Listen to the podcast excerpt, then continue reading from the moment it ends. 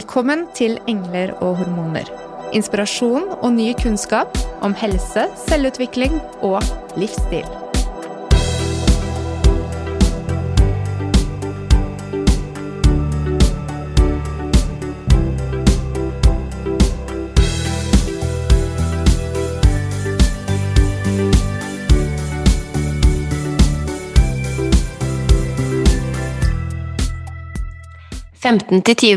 Av Norges befolkning har irritabel tarmsyndrom.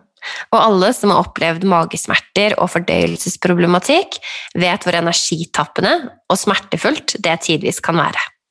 Rådene kan være sprikende og informasjonen til dels mangelfull for denne funksjonelle diagnosen. Heldigvis har vi i vårt virke vært så heldige å få bli kjent med Julianne Lyngstad. Hun har en master i samfunnsernæring og har skrevet hele tre flotte bøker om temaet. Hun har rett og slett gjort det til sitt livs mission å spre kunnskap, slik at du kan gjøre bevisste valg og gjøre det godt for magen. Hjertelig velkommen, Julianne. Tusen takk, og nydelig intro. Den likte jeg veldig godt. Gjorde det? Ja, Så bra! kjempebra. Åh. Ja, men det er jo godt for magen. Det har liksom blitt ditt eh, varemerke, det, Julianne. Ja, det ble et lite varemerke da jeg skrev min andre bok, fordi første boka var veldig sånn mat. Men det er så mange flere ting som er viktig for en magebalanse, og derfor så tenkte jeg godt, hva kan vi gjøre som er godt for magen? Er det mange ting? Ja, det er det. Så da tenkte jeg at det kunne knytte til mitt eget navn. da. Mm. Det har vært litt av en reise for deg, Julianne. Kan lytterne våre bli bedre kjent med hvem du er, og hvorfor du sitter her og kan snakke til oss eh, og lytterne om dette med irritabel tarm? Ja, det kan jeg gjøre, og jeg veit ikke. Jeg har jo slitt med magen sjøl. Det var jo sånn det starta for meg. Så det er jo noe jeg har tenkt på mye i ettertid om at jeg skulle få irritabelt arm, om det var tilfeldig eller ikke. Fordi jeg kunne bruke det til å hjelpe andre på sikt. da. Det var ikke sånn jeg tenkte da jeg fikk eh, diagnosen da jeg var sånn rundt sånn 17 år. Da var, det, da var livet ganske tøft, fordi magen styrte absolutt alt. Eh, Sånn er det jo når man er tenåring og tenker jo altså alt er Det er så mye som skjer i tenåra. Du går på skole, du skal begynne å jobbe, du skal ha inntekt, du skal se sånn ut, du skal oppføre deg sånn, du skal klikke inn i en gjeng. Og um, kanskje skal du ta hensyn til livsvalg senere. Hva skal du studere? Hva skal du bli? Så for meg så kan jeg tenke meg det at det var utløsende for at magen min begynte å krangle. Så det jeg sleit med eh, da jeg var rundt sånn 16-17 år, var mye oppblåst mage. Jeg hadde mye luft i magen. Jeg fikk ikke til å gå på do. Det var helt eh, stopp. Det var, kunne gå flere dager mellom avføring, og når det først kom, så var det jo ganske eh, vondt. da. Og hadde mye smerter, og kjente det at energien var laber. da. Og det er jo noe når du skal være med på alt. Det var, det var så mange ting. Og trening, håndball Skulle prestere på så mange arenaer. da. Og så eh, slo magen seg vrang i tillegg, da. Så det var på en måte sånn det starta for meg. Og gikk jo til legen, eh, ba om hjelp. Og så typisk at jeg hadde en god periode når jeg først gikk til legen. Og så følte jeg at jeg ikke ble helt trodd, og at alle sliter med magen. Dette, du kan spise mer fiber, du kan drikke mer vann. Det var liksom ikke noe sånn hjelp å få. Og så um, fikk noe, altså etter å ha gått til legen flere ganger, så var det jo dette her med Ja, ok, det, det, vi finner ingenting. Vi har gjort noen eh, prøver, tatt blodprøver og eh, litt undersøkelser. Og da endte vi opp med å bli enige, faktisk, for jeg hadde googla, om at jeg eh, hadde irritabel tarm. Mm. Mhm. Og hva kom etter det, når du hadde fått diagnosen? Nei, da var det sånn, legen sa jo at ok, irritabel tarm har ingen behandling. Det finnes ingen behandling for det. Det er noe du må lære deg å leve med. Så ok, det var ganske sånn Å få den beskjeden som 17-åring, det, det kjente jeg var bare sånn Skal jeg alltid ha vondt i magen? Skal jeg aldri gå på do igjen? omtrent? Så det var sånn Jeg syns det var en ganske sånn tøff beskjed å få. Jeg tenkte det må jo være en løsning. Det må være en grunn til at magen ikke funker. Så eh, jeg begynte jo egentlig å tenke altså, Jeg gjorde jo mye research sjøl. Jeg tenkte at det måtte være en grunn. Så jeg prøvde jo veldig mye forskjellig på egen hånd. Sånn, ulike kosttilskudd og helsekostprodukter, om det kunne være et eller annet der. En, en, magisk pille som kunne bare rette opp i disse mageproblemene. Og så endra litt i kosten på egen hånd. Og så fikk jeg også hjelp av en ernæringsfysiolog etter hvert. Der vi på en måte prøvde å finne ut hva det var. Og det vi fant ut, var vel egentlig da at jeg, når jeg gjorde en endring, f.eks. spiste glutenfritt, så fungerte magen greit i en periode, men så gikk det tilbake igjen. Og så når jeg prøvde laktosefritt, så funka det bra i en periode, og så tilbake igjen. Og så prøvde jeg jo masse ulike forskjellige ting, men det endte alltid opp med at magen eh, krangla. Det, det funka ikke i lengden. Så um, det var frustrerende. Men så begynte du å studere dette selv også, Juliane? Ja, altså jeg, jo, jeg har jo alltid vært opptatt av trening og kosthold og det og livsstil, kan man si. Så um, etter å ha tatt et årsstudium i idrett, så bestemte jeg meg for å gå videre på ernæringsstudiet. Og um, etter hvert som jeg lærte mer om ernæring, så begynte jeg også å spise sunnere. Det var mer løk, det var mer hvitløk, det var frukt og grønt og grovt og altså masse sunne ting. Og veit dere hva som skjedde? Du fikk vondt i magen. Gjett om jeg fikk vondt i magen. Jeg har aldri vært så dårlig i magen eh, som da jeg eh, endra kostholdet til å spise veldig mye sunnere enn det jeg allerede gjorde. Jeg spiste bra fra før, men nå, nå var det bare sånn Nå skal jeg upper my game. om du skjønner. Nå skulle det bli bra. Mm. Så um, det var også veldig frustrerende. For hva i alle dager? Nå gjør jeg alt riktig. Jeg spiser sunt, jeg trener. Jeg, altså, det skulle jo ha vært på plass. Så, um, sånn holdt jeg på da en god stund. Og så, da jeg, for jeg studerte i, i Spania de to første åra, og så studerte jeg i Norge etter den tid.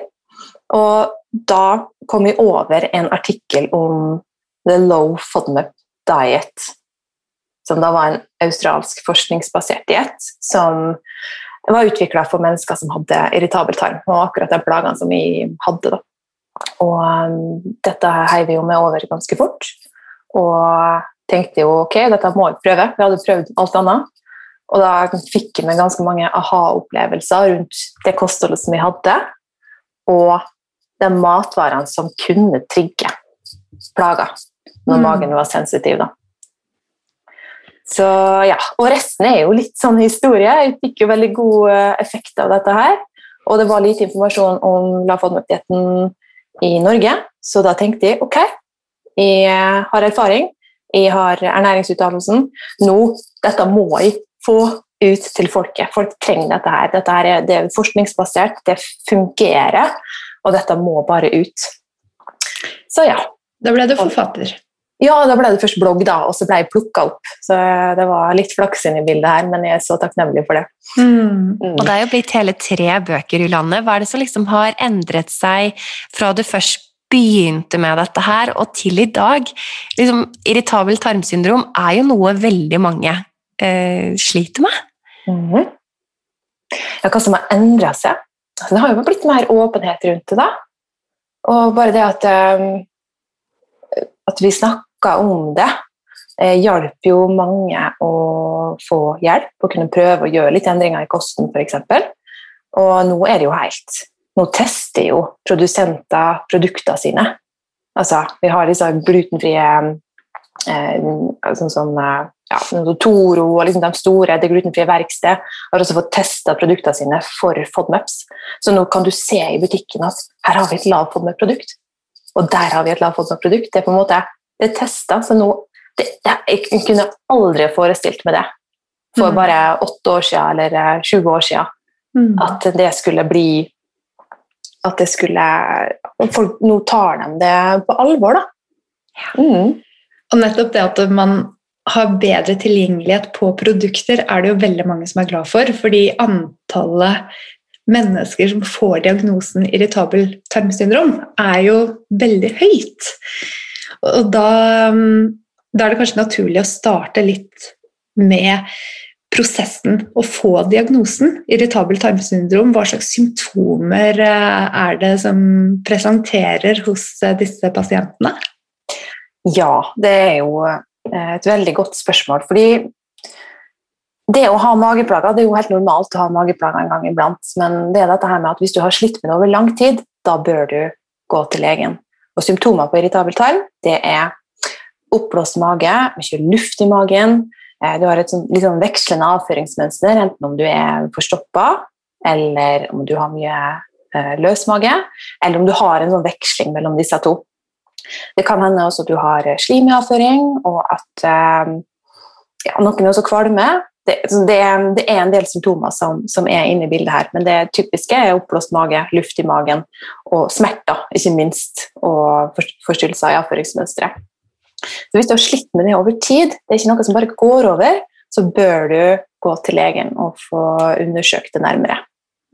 Ja, og legen eh, møter deg da sikkert med noen tester og undersøkelser. Hva er det man kan forvente at blir gjort før man får eh, selve diagnosen?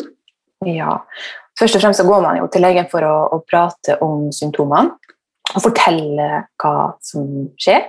Og så vil legen først og fremst gjøre undersøkelser i form av blodprøver. Sjekke om det kan være cøliaki, eller om det kan være en laktoseintoleranse, de mest vanlige testene.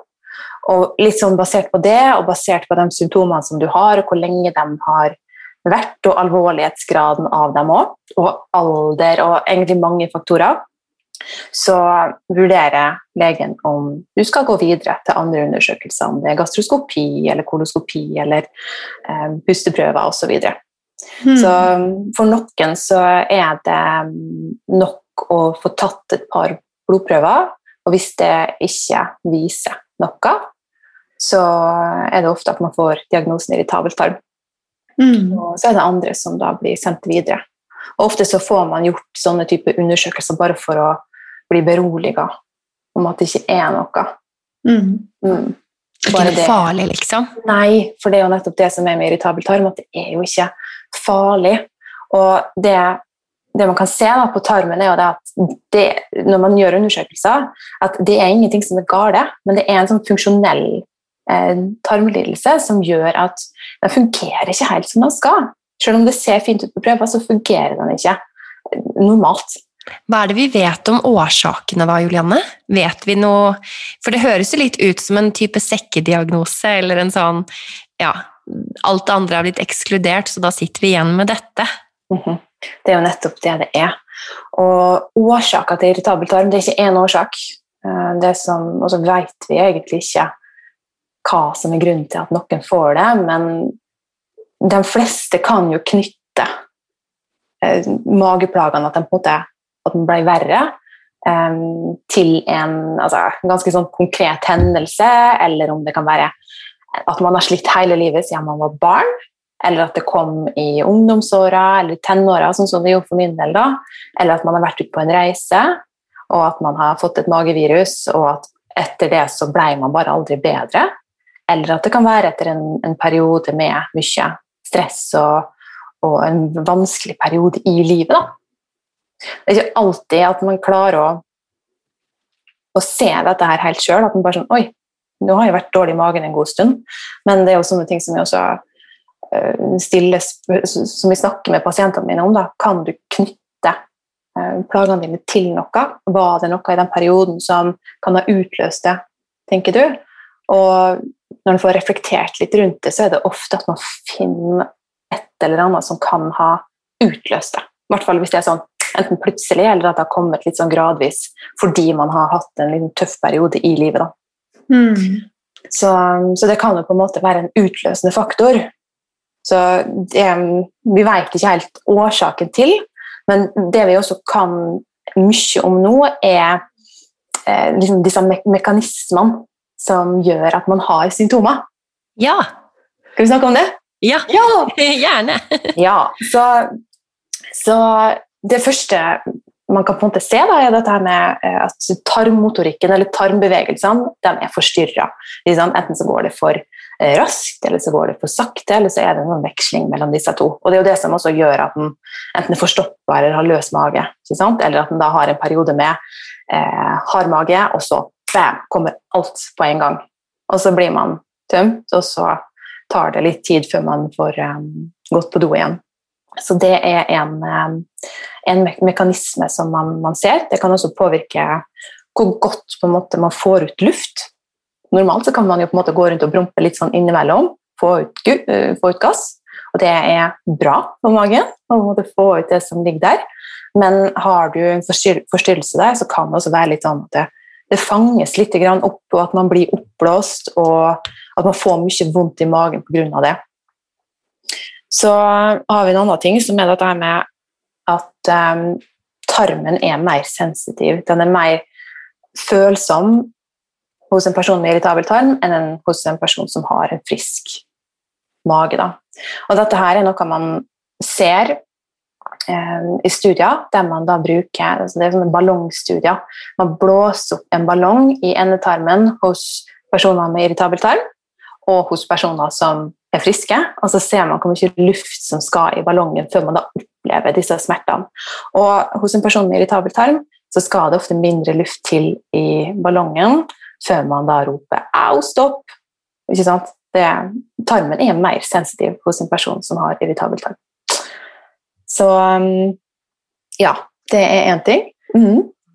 Det ser man jo også sånn ellers når det kommer til liksom smertefysiologi osv. At liksom den terskelen for å oppleve smerte blir jo bare lavere og lavere hvis man har hatt langvarige plager.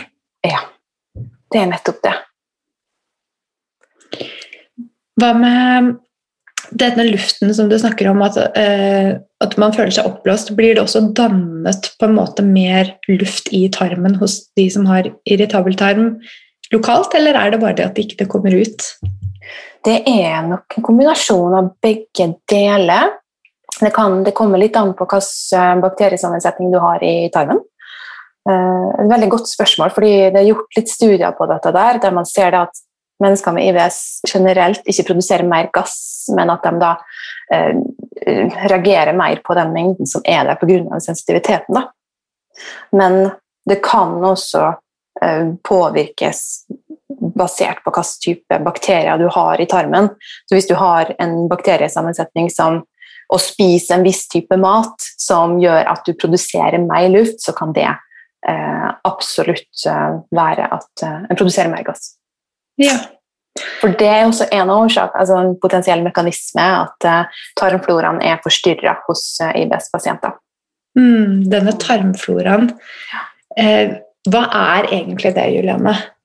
Oh, det er det største spørsmålet du kunne ha stilt med. Men tarmfloraen er Vi har jo bakterier gjennom hele tarmsystemet, eh, men vi har mest i tjukktarmen. Det er på en måte der bakteriene våre skal eh, være. Og det, vi, det, er ganske sånn ny forskning de siste 20 åra. Vi, vi kan si at det er ny forskning. Vi lærer i hvert fall stadig mye nytt om det. Og det vi ser, er at eh, vi har gode bakterier og vi har dårlige bakterier. Og det vi ønsker å ha, er et sånt stort mangfold, masse ulike bakterier. Fordi disse bakteriene de, ja, vi kan si at de er eh, hjelperne våre. De produserer stoffer som styrker eh, tarmslimhinna og gjør at vi har et sterkere immunforsvar i tarmen. fordi om det er, nå husker jeg ikke helt prosenten, men om det er 80 eller 90% av immunforsvaret vårt, det sitter i tarmen. Så det å ha bakterier, disse gode bakteriene som produserer stoffer og vitaminer og andre ting som beskytter tarmen vår og gjør den sterkere, det ser vi at er veldig, veldig viktig. Mm. Um, og så er det dette her med jeg sa dette her med mangfold av mange ulike bakterier. Det er bra, og så har vi det å ha en god balanse mellom disse gode og dårlige bakteriene. For har vi for mye av de dårlige bakteriene, så fører det til en ubalanse og en endra tarmflora som kan være knytta til noen type sykdommer og overvekt og også tarm, mage- og tarmplager. Mm, det er så spennende. Og det at det er så mange ulike typer bakterier er noe som jeg fascineres over eh, hvis man får råd om å ta probiotika, f.eks. hvis man har tatt en antibiotikakur. eh, det å finne noe som gir det mangfoldet på en riktig måte har du, Hva tenker du om det, Juliane? Er, eh, probiotika er på en måte ikke bare én ting? Åh, probiotika sånn tilskudd og sånne ting Jeg veit ikke helt hvor jeg står. Jeg skrev bacheloroppgaven min om dette her med um, effekten av uh, probiotikatilskudd, både i tilskuddsform og i um, i, i, i mat, i, sant, i yoghurt osv. Og, så og hvilken effekt det hadde på mennesker med irritabel tarm. Så det var liksom begynte, begynte allerede der. Uh, og um, det vi så, eller det jeg så i min lille studie der, og som også sånn, vi ser ellers òg, at uh, det er ikke så veldig sånn stor effekt på irritabel tarm. Uh, placeboeffekten er veldig stor. Og sånn når jeg jobber med pasienter, så er heller ikke eh, probiotika et sånn type tilskudd noe jeg anbefaler fra start. Og det er fordi at i Det har noe med at vi vet ikke effekten. Hva betyr det egentlig å, å slippe så mange bakterier som kanskje er konsentrert? Kanskje det er én stamme inn i tarmfloraen, hva, hva, skjer egentlig da? Og dette tenker jeg at man, Hvis man skal ta det, man kan prøve det. Det er ikke sånn at eh, disse bakteriene eh, bosetter seg der. Du må ta det hele tida eh, for at du skal kunne ha en effekt. Noen har en effekt. Er det placebo, eller er det dette dyre? Mm, det vet vi ikke. Men jeg vet at mange har nytte av det. Men ja, Mm. Der har du svaret mitt. Sånn, Men det er som sagt ikke noe som jeg eh, anbefaler generelt. Det er det ikke. Mm. Når vi har gått gjennom noen symptomer eh, på IBS, eh, Juliane, så, så, vil vi gjerne finne noen løsninger for hva vi kan gjøre for at dette skal bli bedre. Hvor uh, står vi per i dag når det kommer til behandling av IBS? Ja, Det som er så deilig nå, Mona, er at nå kan vi si at det er en løsning. Det er noe du kan gjøre for å få det bedre når du har irritabel tarm. Det er ikke sånn at det fins ingen behandling, dette må du lære deg å leve med. Så det er yes, det er så deilig. Så um, det de fleste vil oppleve når de er på legekontoret, er at de kanskje får en lapp, Post-It-lapp. sånn. Her står det FODMAP. Google det.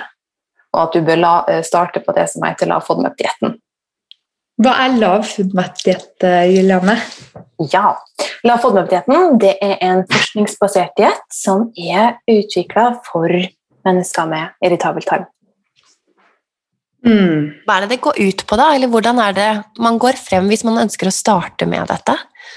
Ja, det er jo litt av en prosess som du skal tro det du leser på internett.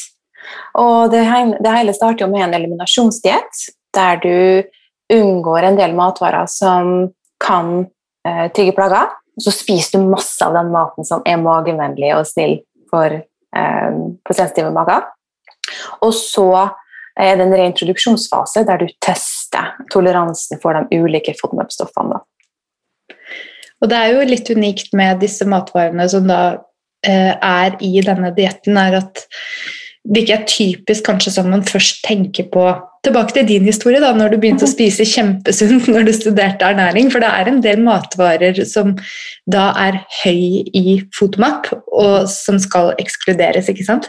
Yes, det stemmer. Og det er jo nettopp det som gjør det litt sånn mange får seg en aha-opplevelse når man får lese disse oversiktene over eh, matvarer som er høy FODMAP, eh, moderat FODMAP og lav FODMAP. Fordi veldig mange av de eh, råvarene som vi spiser mye av, nå skal jeg nevne noen som er høy FODMAP.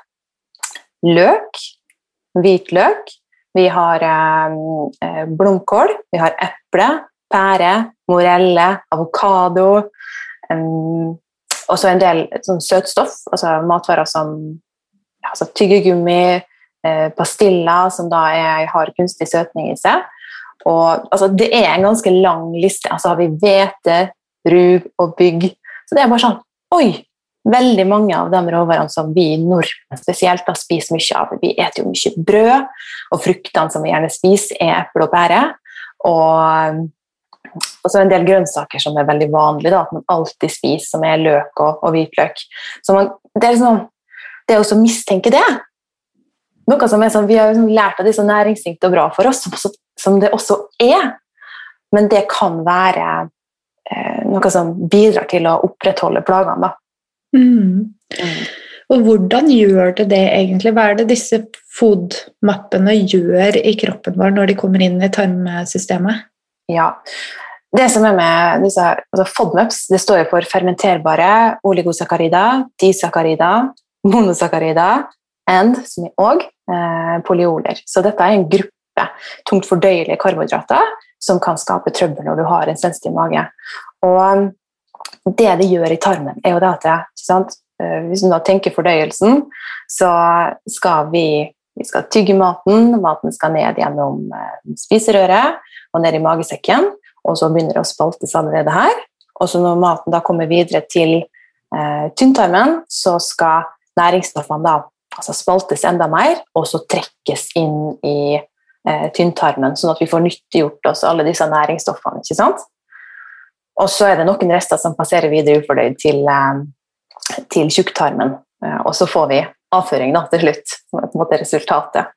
Det som er med FODMUPS, i mat, er det at de er tungt fordøyelige. De vil ikke eh, brytes ned i den grad eh, vi ønsker. Så det er mange av dem som bare passerer videre ufordøyd.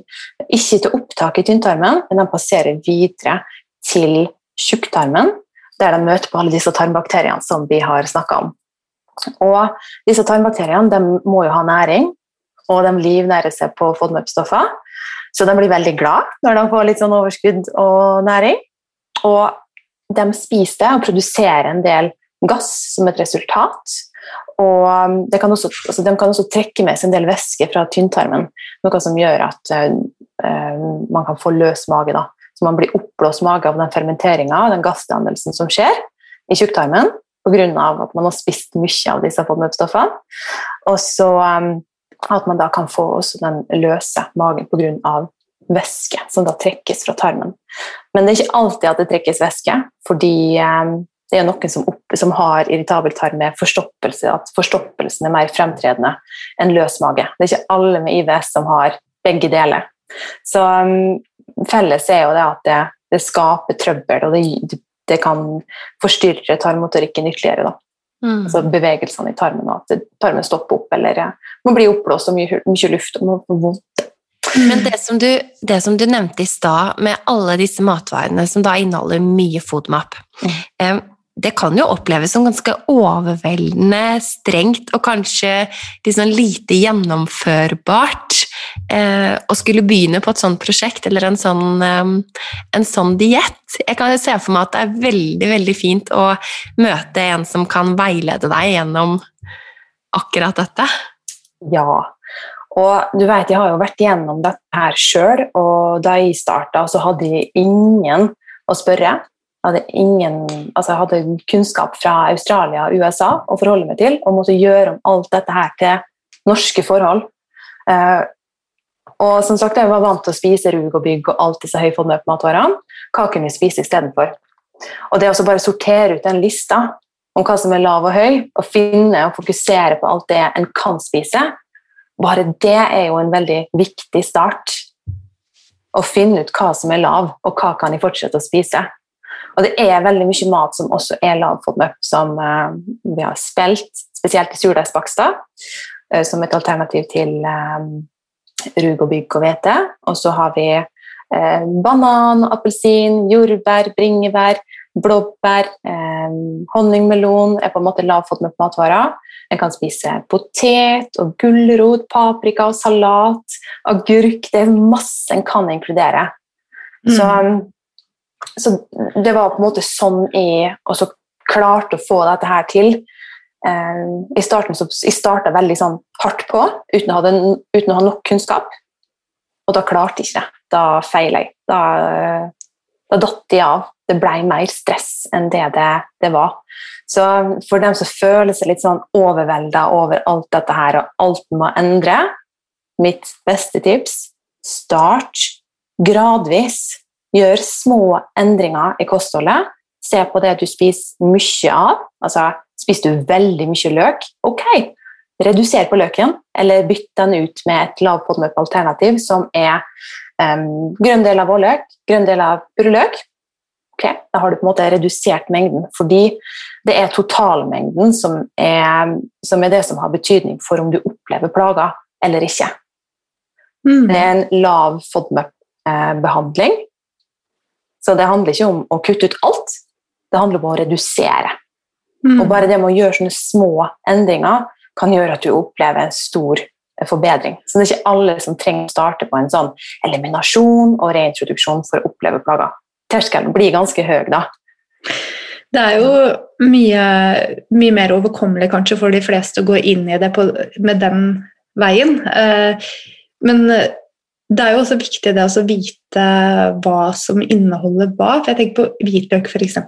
Mm. Det er jo et vanlig krydder. Du finner det i ganske mange ulike matvarianter og ferdigmat og mhm. Ja. Ja, du gjør det. Så um, det er en del mat som utgår. Produkter spesielt. Så um, der finnes jo en app som heter Noba. Mm. Som er en norsk eh, lavfotmap-app der du kan skanne matvarer, faktisk. Og så kommer de opp, så er de på en måte eh, tolka av eh, eh Enten om det er testa ved Monash University, som er det eh, universitetet som har utvikla lavfotmap-dietten, eh, eller om, det, om de er vurdert av en klinisk ernæringsfysiolog. Ja, så det kan du bare ha med å bruke i butikken, rett og slett? Absolutt. Men så er det jo sånn Ja, kjempelurt. Og da kan du i hvert fall styre unna det som er høy og det som er lav, ganske sånn raskt, fordi det tar tid å, å finne ut av eh, Altså stå og lese ingredienslista osv. For det mm. blir jeg innmari god på etter hvert. da. Mm. Jeg vil også nevne det at eh, Monash University de har en app som alle bør ha, som skal starte med Low FODMAP-dietten. Og den heter The Monash University Low FODMAP Diet App som en kan på en måte eh, laste ned og bruke. Mm. Så det er også det jeg baserer min informasjon på. Da. Men det er fint mm. å ha begge to. Over hvor lang tid bør en liksom teste metoden før en ser om det fungerer eller ikke? Eller akkurat den der ekskluderingen eller reduksjonen i en type matvare? Ja, fordi uh, den eliminasjonsfasen, da tar vi jo Hvis en da skulle ha gått på det Hvis en har funnet ut hva, nå har jeg kanskje redusert en stund, og nå ser jeg nå vil jeg gå litt all in for å finne ut av dette her. Vi bruker jo lav FODMAP-dietten. Um, det er jo ikke noe man skal gå på for alltid. Det er en del av behandlinga. Og dette her er noe som Hvis du tenker da du har slitt med magen lenge, du klarer ikke å se sammenhenger mellom maten du spiser Kanskje går det helt fint å spise eple en dag, men så går det ikke bra en annen dag. Men det kan spille inn på hva annet du har spist, i og med at det er den totalmengden som avgjør om du får plager eller ikke. Så det som, um, som er da, er at da starter vi med kosten fordi vi ser at det har ganske rask effekt. Så vi bruker lav ganske sånn, okay, Hvis du følger det strengt i fire til seks uker, eller to til seks uker, kan vi også si, kommer litt an på hvor plaga du er og hvor raskt du opplever lindring, og så ser vi blir du helt bra av å redusere på FODMAPs i ditt. Og hvis du kommer til det punktet at du er ganske fri for symptomer, eller at magen er i god balanse, så tar vi og gjeninnfører eller tester toleransen for de ulike FODMUP-gruppene. Om du reagerer på en av disse, sånn som vi nevnte med at det, eh, om du reagerer på oligosakkarider eller mm, monosakkarider eller det ene og det andre. Dette kan du lærer mer om om du tar gratiskurset som vi har laga. Det ligger ute på, på, bloggen. Der får du mer informasjon om det, om du syns at dette var litt sånn Hva er det du snakker om? For det er litt omfattende. Det er det. Men eh, vi bruker lavfodmøtligheten for å gi tarmen litt ro. Mm. Det er ikke så lett å sortere, fordi det er så mange ting som kan påvirke hvordan magen din har det. Og og det å redusere på FODMAPs FODMAPs er ikke årsaken til plagene dine, men vi tar det bort litt for å gi det ro. Og det er ikke sånn at du, Hvis du reagerer på løk, så tåler du ikke løk. Men sånn jeg liker å si det, er at okay, tarmen din er sensitiv og klarer ikke helt å fordøye det du spiser, godt nok akkurat nå. Derfor så opplever du plager. Mm. Så det jeg liker å, å, gå litt inn i, dette her med hvorfor er tarmen din så sensitiv, og kan vi gjøre noe for å gjøre at, altså, som kan påvirke sensitiviteten på tarmen din, sånn at du kan tåle mer mat? Det er jo det mm. som er målet. Du skal jo ikke følge en streng diett. Du skal jo bli bra i magen. Men Juliane, mange får jo tips om å starte på lav FODMAP-dietten når de har fått en irritabel tarmdiagnose. Men eh, kan det også være noen ting ved dette behandlingsalternativet som er negativt? Ja, det kan det. Fordi det er dette her med at hvis en da tenker at å være på den strenge dietten over tid Mange er der. At man på en måte følger disse reglene som er basert på den informasjonen vi har. Vi har så mange detaljer på Du kan spise så og så mange gram av den matvara, du kan ikke spise mer enn det, og at man blir veldig sånn knytt til disse detaljene. Og at man syns det er tryggest å forholde seg til dem, og at man da blir der, fordi da vet man at så lenge jeg følger det, så skal magen være bra. Og det skjønner jeg så godt, fordi det er så godt når du har slitt med magen en stund, at magen bare er rolig. Du har kontroll, og det er jo mye, mye psykisk ikke sant? at følger i dette her, så slipper jeg å stresse med at magen krangler. Så det er jo det som er utfordringa, at mange vegrer seg for å komme i gang med å teste toleransen for de ulike FODMAP-stoffene og på en måte utvide kostholdet sitt igjen. Og konsekvensene av å følge streng uh, lav FODMAP-diett det kommer jo helt an på, vi kan snakke litt om det etterpå, men det kan være det at um, enkelte tarmbakterier, altså disse gode bakteriene, reduseres i antall. Det ser man gjennom studier. At når du følger dietten over tid, så kan enkelte tarmbakterier eh, reduseres. Det er en bakterie som heter bifidobakterier, som er spesielt viktig, en sånn produsent av eh, sunne fettsyrer som er viktig for en sterk eh, tarmslimhinne. Som også er viktig for tarmhelsa. Da.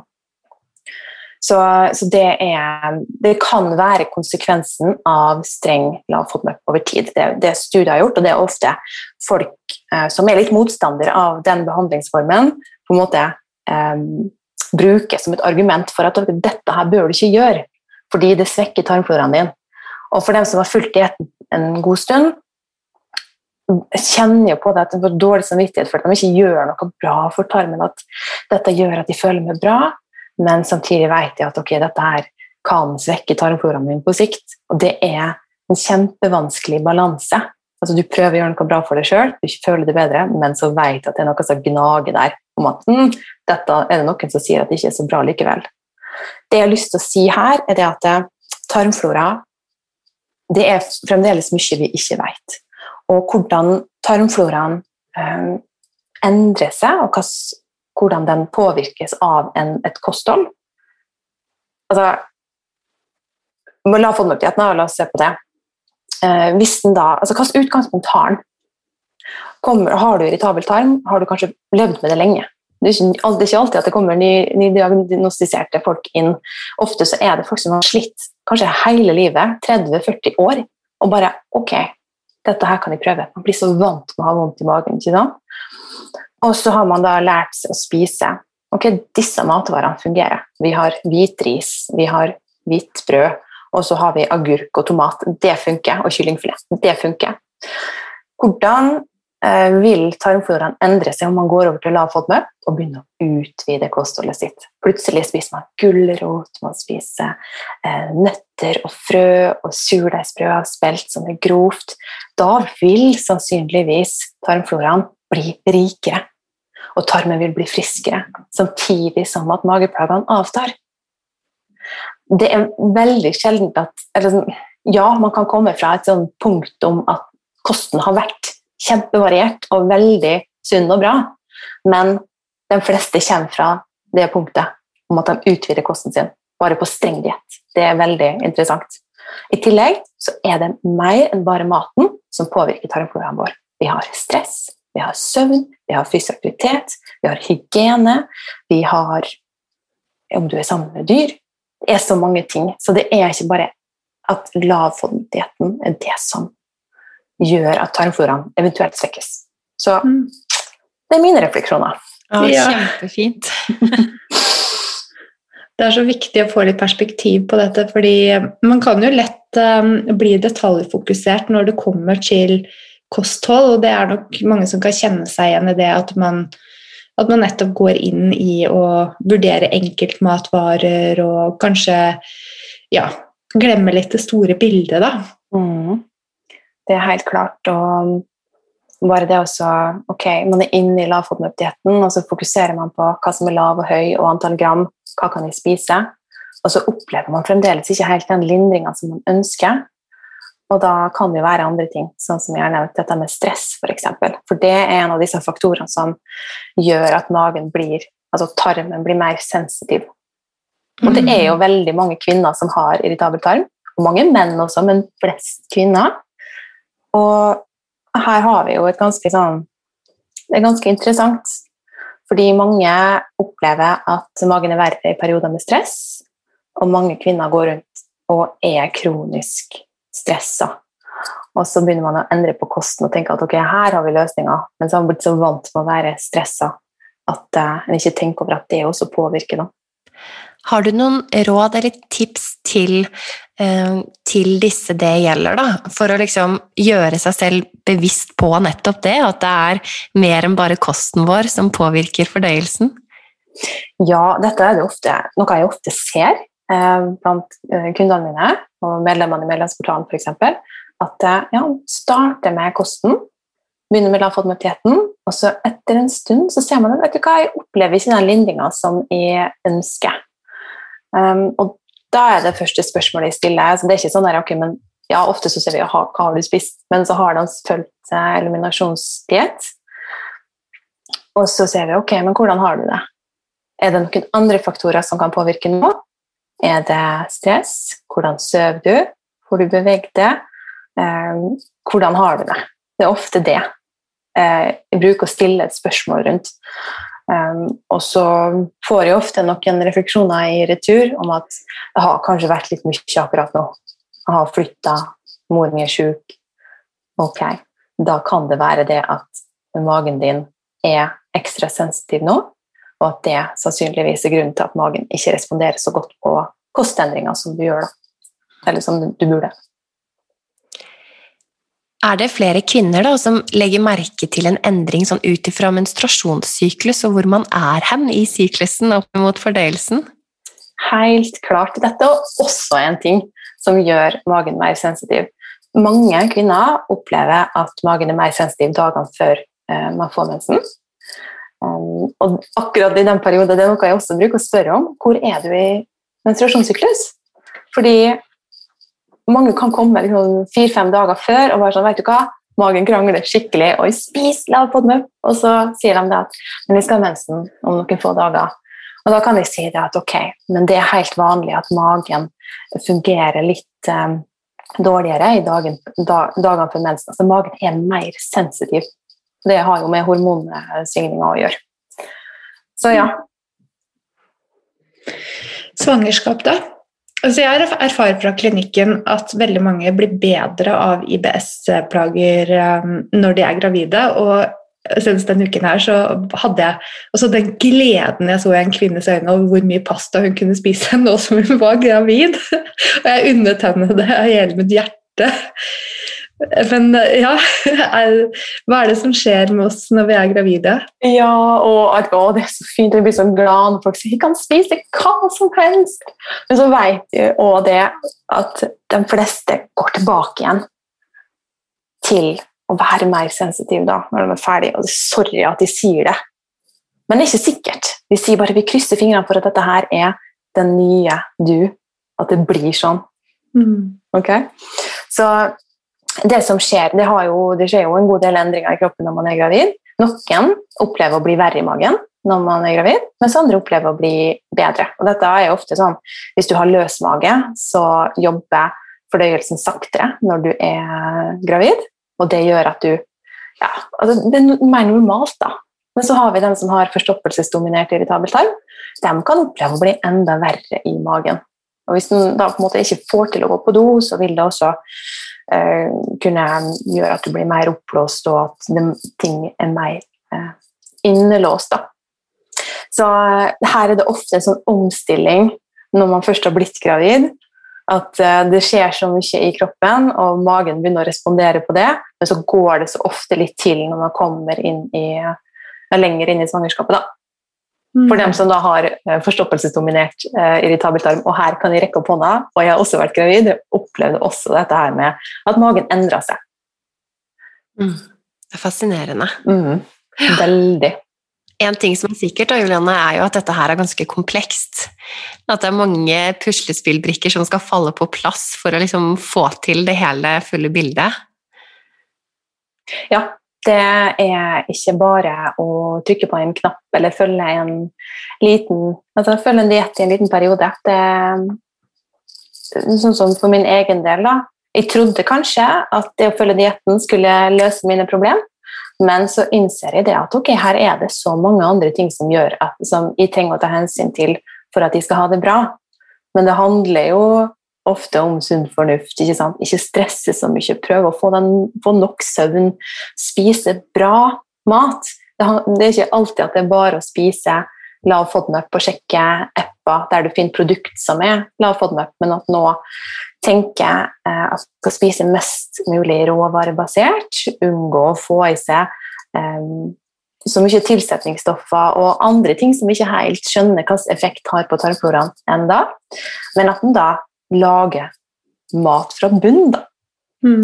Og um, det er jo en sånn prosess som man kan ta litt gradvis. at en da tar um, altså Hvis en da har laga veldig, veldig, lite mat fra bunnen, at en da begynner med noen måltid i uka, og så gjør man det gradvis. En trenger ikke starte noen stor endring, men det er liksom disse små stegene i riktig retning som er Da blir det gradvis bedre, og det er den utviklinga vi vil se gradvis forbedring, fordi da vil du klare å holde det til slutt. da. Eller du vil jo alltid lære nye ting om deg sjøl, vi er jo mennesker. Så hva skal jeg si? Det vil gå opp og ned, men det å ha verktøy som en kan komme tilbake til når ting har sklidd ut, det er så verdifullt å bare vite hva en trenger for å ha en mage som fungerer godt. Mm. Nå føler jeg meg litt uh, altså, Det føles som når jeg stiller dette spørsmålet, at jeg ikke har hørt på noen ting av det du har sagt, Juliane, men det har jeg. Jeg må bare spørre likevel. Er brokkoli lav foodmap eller høy foodmap? Eh, det er lav foodmap inntil 75 gram. Ok. Så hvis du spiser 76, da er det Da, da får du vondt i magen. Nei da, du gjør ikke det, men det er testa på en måte. Det er jo eh, Monash University som og det er flere også som driver og tester matvarer, men da finner de en grense for hva som er lav, basert på, på grenser som de har satt. Da. Så, du, så har du på en måte grønn mengde, eh, som er lav FODMAP-mengde, så har du moderat mengde, og så har du en høy FODMAP-mengde. Men holder du deg inntil den grønne mengden, som er 75 gram brokkoli, så kan du spise den og kombinere med andre grønne råvarer, da. Om du skjønner? Gir det mm. mening? Absolutt. Og jeg, eh, jeg syns det er veldig bra at det finnes ressurser som man kan se på for å få svar på disse tingene. Eh, når det gjelder å komme inn i type dietten og i en overgangsfase bli kjent med kanskje først og fremst de matvarene som han har allerede mye av i sitt kosthold fra før. Så man kan se om man er i en type faresone for å ja, bidra til at man har mer tarmplager enn det man behøver å ha. Og det, det syns jeg er veldig fint. Ja, og det er viktig. Det er sånn en starter. Mm. Mm. Men så osteopaten i meg klarer ikke å la være å tenke på hvor mange som har gått med plager lenge, og hva det faktisk gjør med sensibiliteten og nervesystemet vårt at, at man har gått og hatt vondt så lenge. Mm. Så, så, jeg er så glad at du snakker om dette med søvn og livsstil og stress, fordi eh, fra vårt perspektiv, eller jeg kan ikke snakke for Ingvild, men jeg, jeg tenker at eh, det er viktig å se på helheten også, hvordan man har det. Helt klart. Vi kan ikke ta én ting, vi må se på helheten, fordi vi, alt påvirker hverandre. Hvor stressa du er, påvirker søvnen, det påvirker hva du spiser. Det påvirker, det påvirker så mye av hvordan du har det. Så jeg bare tenker at Hvis en bare skal se på maten en spiser, hvis en bare gjør det, og ut, utelukker de andre faktorene, da kan du bli bedre, men Tenk hvor bra du kunne ha blitt om du hadde tatt hensyn til det som faktisk gjør at magen din er så sensitiv som den er. Og tenk hvor mye, altså Da kan du inkludere mer matvarer igjen, slippe å ha det snevre kostholdet som du har om du følger bare diett. Så, så, det er noe som jeg virkelig vil få ut. At det er ikke sånn at du skal følge dietten for resten av livet. Det er en liten periode for å gi det litt ro, og så sortere ut en del greier. Mm. Åh, du har kommet med så mange fine, gode, nyttige tips, Julianne, i denne episoden. Og er det sånn at, eh, og det er jeg helt sikker på at det er, flere av lytterne våre som ønsker å bli bedre kjent med deg og, og lære enda mer av deg, hvor er det de finner deg hen, eh, Julianne?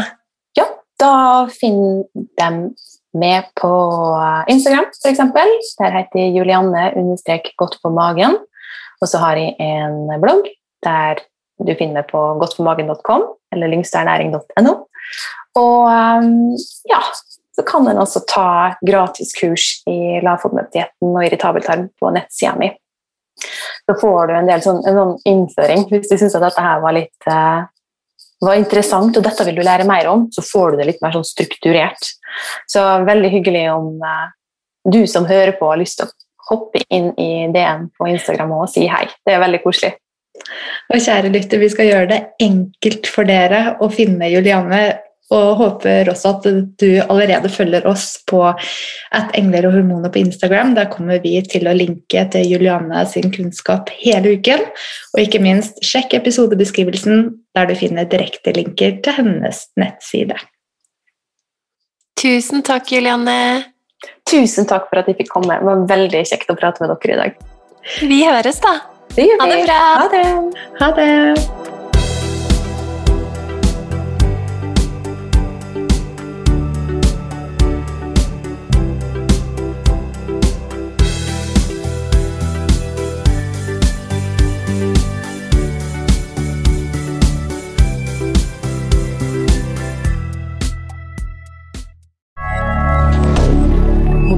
Canada.